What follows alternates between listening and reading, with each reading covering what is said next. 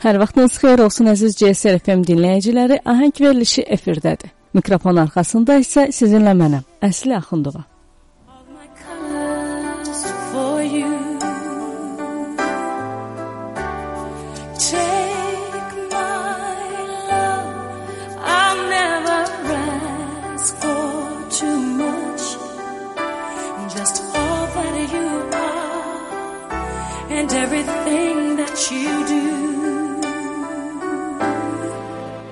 Bildiyiniz kimi hər verilişimizdə sizinlə bir müğənninin və yaxud da ki, sənətçinin həyat və yaradıcılığı haqqında danışırıq və onların ə, e, ifalarını səsləndiririk.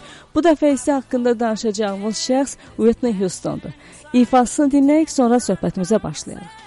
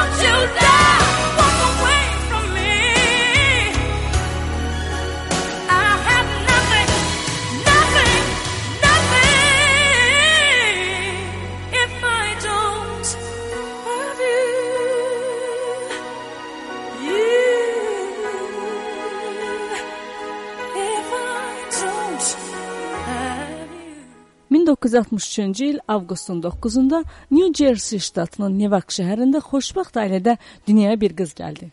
Atası ailənin dördüncüsü olan qızın adını Elizabeth Whitney qoyur. Valideynləri onu çox sevirdi, qardaşları da həmçinin. Bacısı ilə hər gün müxtəlif oyunlar oynayırdılar. Bir dəfə Whitney həyətdə qardaşı ilə oynayırdı. Hər ikisinin əlində asılqan var idi. Birdən Whitney yıxılır. Əlindəki asılqanın dəmiri onun ağzına girərək boğazına ilişir. Onu xəstəxanaya aparırlar. Həkimlər deyir ki, dəmir onun qırtlağını kəsib və əgər kəsilmiş hissə birləşməsə, o heç vaxt danışa bilməyəcək. O zaman həkimlər xəyal etməzdi ki, bir gün bu balaca qızı bütün dünya tanıyacaq. Give them a sense of pride to make it easier let the children's laughter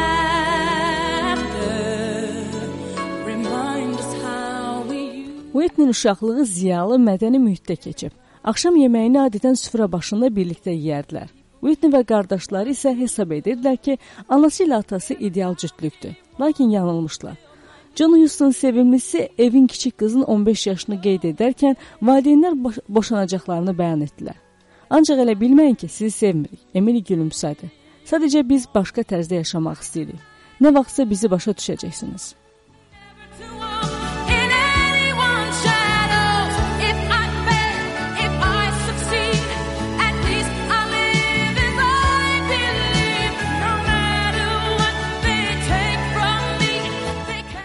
Sonralar Whitney valideynlərinin o vaxt niyə belə addım atdığını çox gözəl başa düşdü. 5 ildən sonra Whitney təsadüfən BBC-dən öyrəndi ki, anası Emil 60-cı illərin ən məşhur müğənnilərindən biri imiş. Anası hər səfərdən qaydanda yeni titullarla qaydar, atası isə son 12 ildə qonşu küçədə yaşayan başqa qadın ilə görüşər, vaxtının çoxunu onunla keçirərmiş. John və Emily övladları qarşısında əsl dost idilər. Əslində qətiyyən bir-birini sevmirdilər. O zaman Whitney özünə söz verdi ki, Əgər nə vaxtsa onun ailəsi olsa, bu xəyanətsiz, yalansız, sevgi dolu mübahisə və göz yaşları olmayan problemsiz ailə olacaq.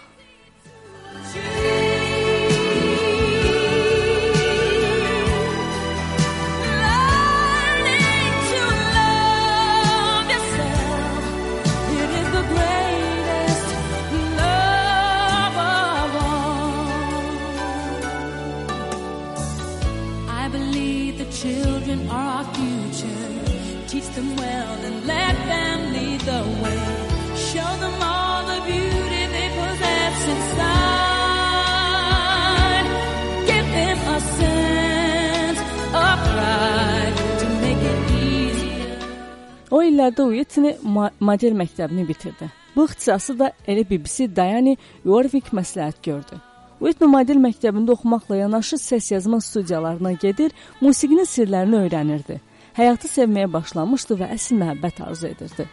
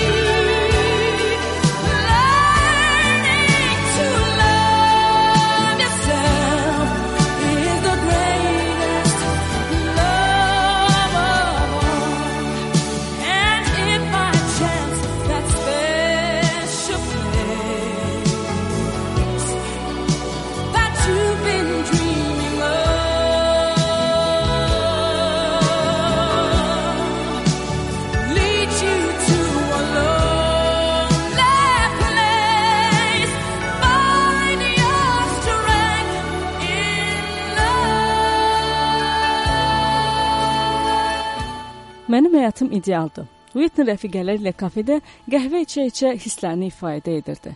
Yeni albom üzərində işləyirəm. Artist studiyası ilə sərfəli müqaviləm var. Qardaşlarım mənə biznesimdə kömək edirlər. Həyat yoldaşım Eddie Murphy ilə münasibətlərimiz isə əladır. Whitney rəfiqələrindən biri dilləndi. Sən hə həyat yoldaşınla əlaqələrin valideynlərinizin münasibətlərinə bənzəyir. Gözlərini aç Whitney. Evli olsanız da siz sadəcə dostsunuz. Amma sevgi tamam başqa bir şeydir. Sadəcə sənin xoşuna gələn və onun varlı və məşhur olmasıdır.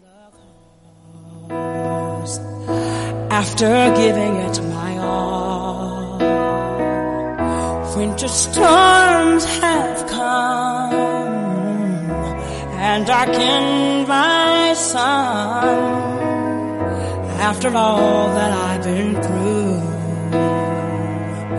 Who on earth can I turn to? I look to you. I look to you.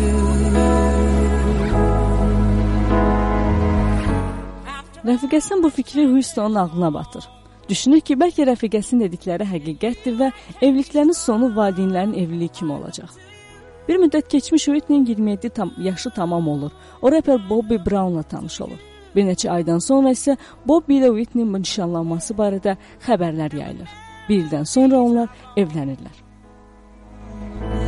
And you are here a song I look to you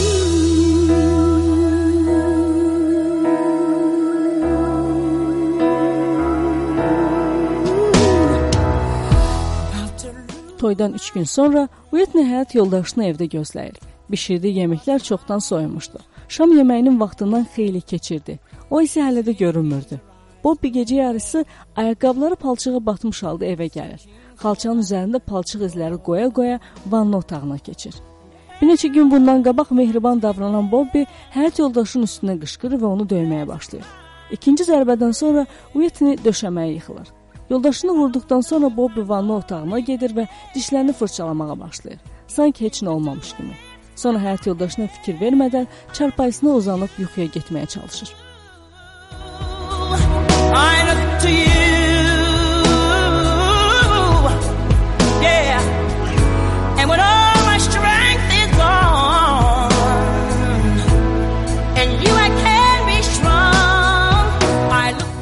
Səhərsi gün Whitney-nin gözünün altı göyərir, körpücük sümüyü və sağ qolu bərk ağrıyırdı.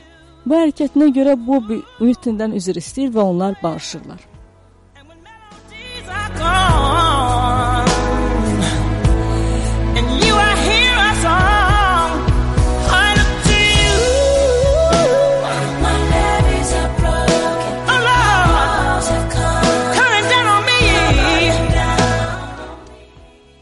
Aydan sonra Whitney bədənində aldığı zərbələrdən altı göyərmiş yer saydı. Bobby nəyin keçir, hətta narkotikdən də mütəmadi istifadə edirdi.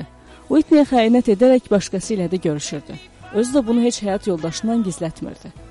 Birinci hamiləliyində Whitney uşağını salır. Həkimlərin diaqnozuna görə bu Whitney sinir sisteminin pozulması ilə bağlıdır. Ona istirahət etmək və pis fikirlərdən, stressdən uzaq olmaq məsləhət görülür. Hərdən o polis bölməsindən zəng edirdilər. Deyirdilər ki, yoldaşınız sərxoş halda tutulub və ya üzərində narkotik maddə, aşk maddə aşkarlanıb. Hərdən və gecə yarısı üst başında qadın ətrinin qoxusu ilə yerdi. Amma bütün bunlara baxmayaraq o Bobbini sevir və ailəsinin dağılmasını istəmirdi.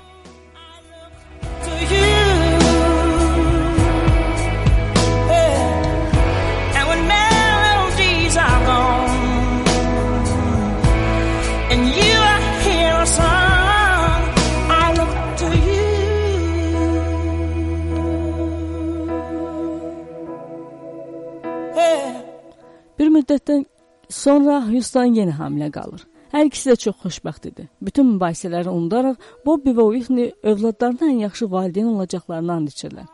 Birinci iki ayı Bobby həqiqətən də verdiyi sözün üstündə durur. Az içir, evə vaxtında gəlir, hətta həyat yoldaşına gözəl bu buketi də alıb gətirirdi. Whitney bəd bədənində zərbədən gəlmiş nahiyələr isə yavaş-yavaş sağalırdı. Düşünürük ki, uşaq dünyaya gələndən sonra hər şey mütləq dəyişəcək və hər şey daha yaxşı olacaq. Axı əbəs yerə Whitney əbədi xoşbəxtlik arzu etmirdi. Lakin Bobby bir müddət sonra yaxşı ər olmaqdan yorulur və yenidən dəyişməyə, evə hər gün sərxoş gəlməyə və mübahisə etməyə başlayır.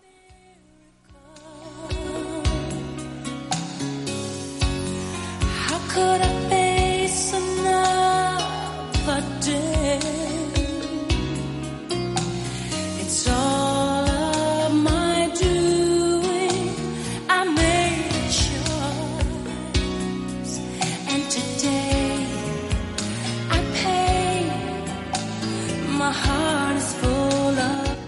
Hamiləliyin 9-cu ayında isə Hudson təsadüfən öyrənir ki, ərinin başqa qadından qeyri-qanuni 3 uşağı var. Bir neçə aydan sonra Kristina dünyaya gələndə Brown onun məsum üzünə baxır. Bu zaman Whitney elə gəlir ki, Bobbinin gözləri dolub və bundan mütəəssir olub. Mən səni sevirəm, həyatımın mənası. Sən mənə həyatımın ən dəyərli anlarını yaşatdın.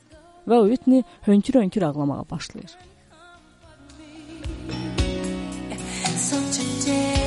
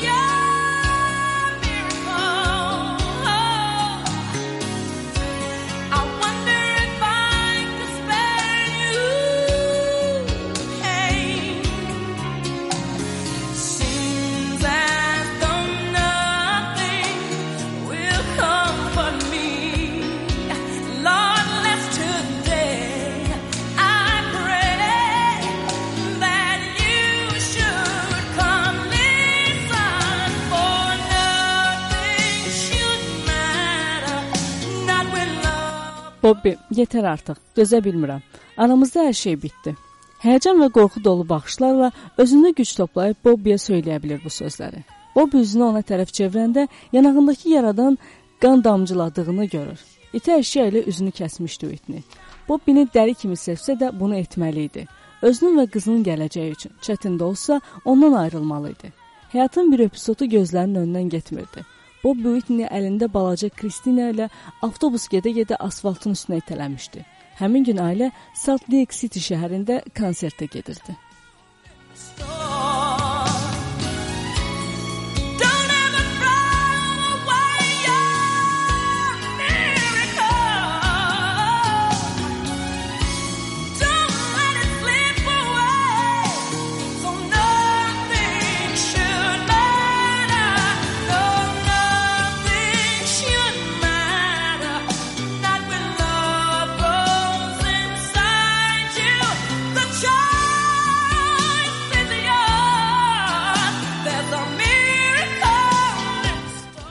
Sən məni döyürsən. Belə getsə qızımıza da əl qaldıracaqsan.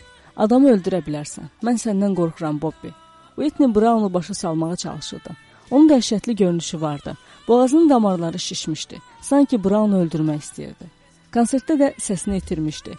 Həkimlər demişdilər ki, sinir sisteminin gərgin olması, istirahətsizlik, hər gün stres buna səbəb olur. Bobbiyə görə Whitney narkotik də qəbul etməyə başlamışdı fikirləşirdi ki, hər ikisi üçün yaxşı olar. Hətta bu bu da işə yaramamışdı. Ancaq bir çıxış yolu qaldı. Bu da son deyib və yoldaşının əşyalarını toplayalı, toplayıb yola salmaq. Böyük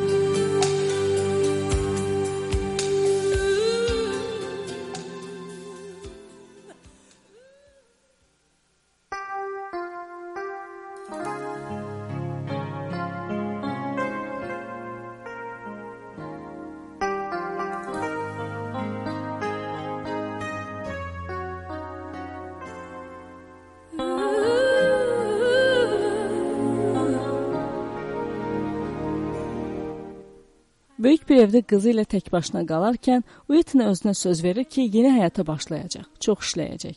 Lazer vasitəsilə üzündəki çapıqları yox edəcək. Gündə 8 saat yatacaq və sevgi haqqında düşünməyəcək. Amma bu sadəcə hisslərin ona əzab verməsinə qədər davam edir.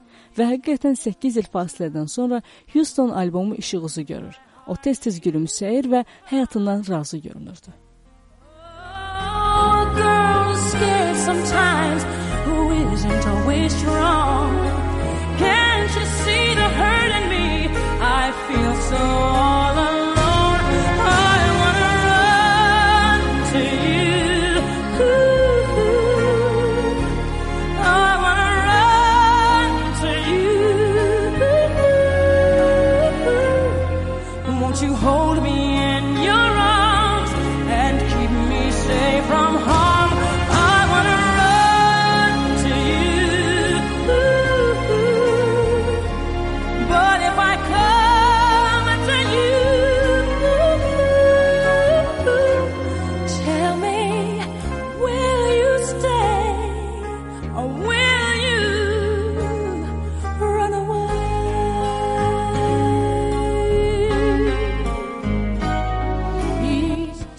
Ayrılandan sonra Bobby üzr istəmək üçün evinə gəlir. Whitney isə dediyindən dönmür, onu bağışlamır. Brown onu ölümlə hədələyir.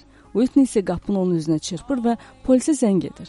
Bundan sonra Brown həyatının önəmli qərarını verir. İçki və narkotikdən asılılığını müa- müalicə etmək üçün xəstəxanada yatır. Başqa qadınlarla görüşməkdən imtina edir. Müalicədən bir müddət sonra Whitney zəng edərək Nevark şəhərinin ən gözəl qadını görüşə bilərəmmi soruşur. Whitney həyəcanlanmışdı. Brown'a elə gəlir ki, sanki Whitney ürək döyüntülərini telefonda eşidir. 2 saatdan sonra kinoteatrda görüşürlər. Hər gün belə davam edən görüşlərdən 3 ay sonra Bobinin paltarı ilə dolu çamadanı artıq Whitney'in yataq otağında idi.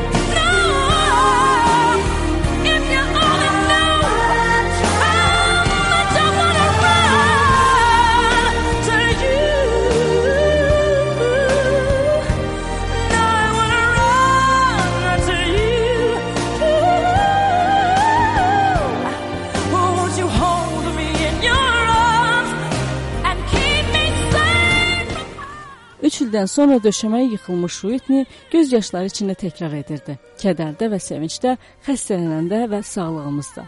Nə vaxtsa o özü bu yolu bu həyat yoldaşını seçmişdi. Amma indi bu yoldan geriyə dönmək qeyri-mümkün görünürdü. Özü seçdiyi yolda sevinci ilə də, kədəri ilə də olsa da Whitney özü addımladı, özü yaşadı. Bu yolda musiqi karyerasında bir çox adamın xəyal belə edə bilməyəcəyi bir uğur əldə etdi. Amma uğursuz ailənin çoxlu problemləri onu rahat buraxmırdı. Yenidən spirtli içkilərə və narkotiklə meylənən Whitney səhnələrdən də uzaq qalırdı. Bütün bu hadisələr keçirdiyi stres Whitney sıxırdı. Qəribə taleyli bu məşhur xanım cəmi 48 yaşında ömür yolunun sonuna gəlir. your way. So I'll go, but I know I'll think of you every step of the way.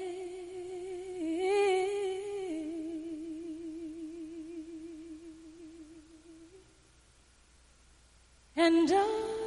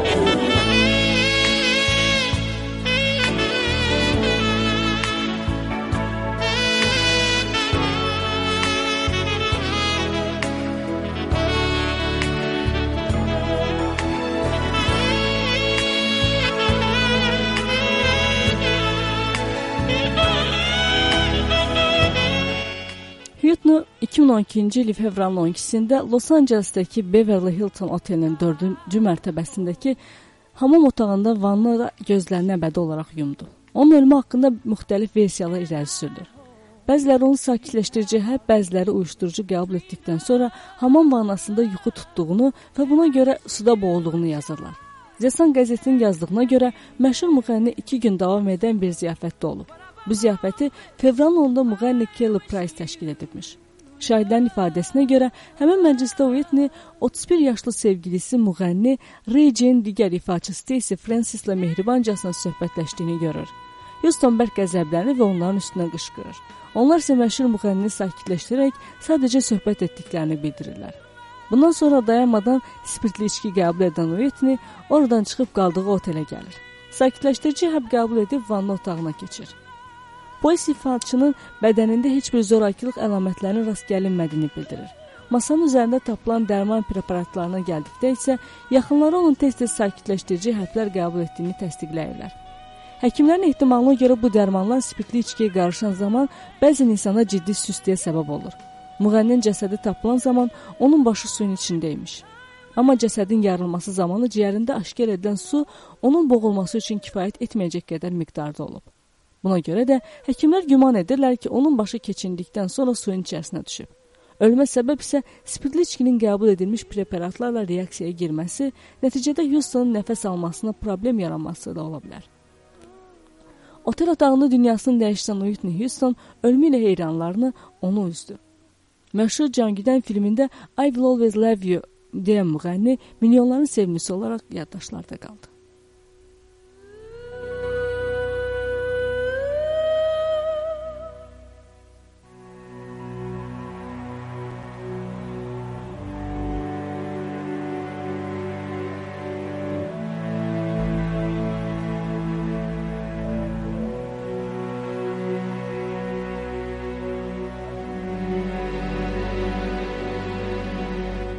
Bəli, siz dinləyicilər, bizə ayrılan efir müddətinin sonuna gəlib çatdıq. Bu gün sizinlə ABŞ müğənnisi və bir neçə hit musiqilərinin ifaçısı Whitney Houston haqqında danışdıq. Mikrofon arxasında isə sizinlə mən idim. Əsla Xundava. Növbəti efirlərdə eşidilmək ümidi ilə xudafiz. Anyone could hear in our hearts a hope for some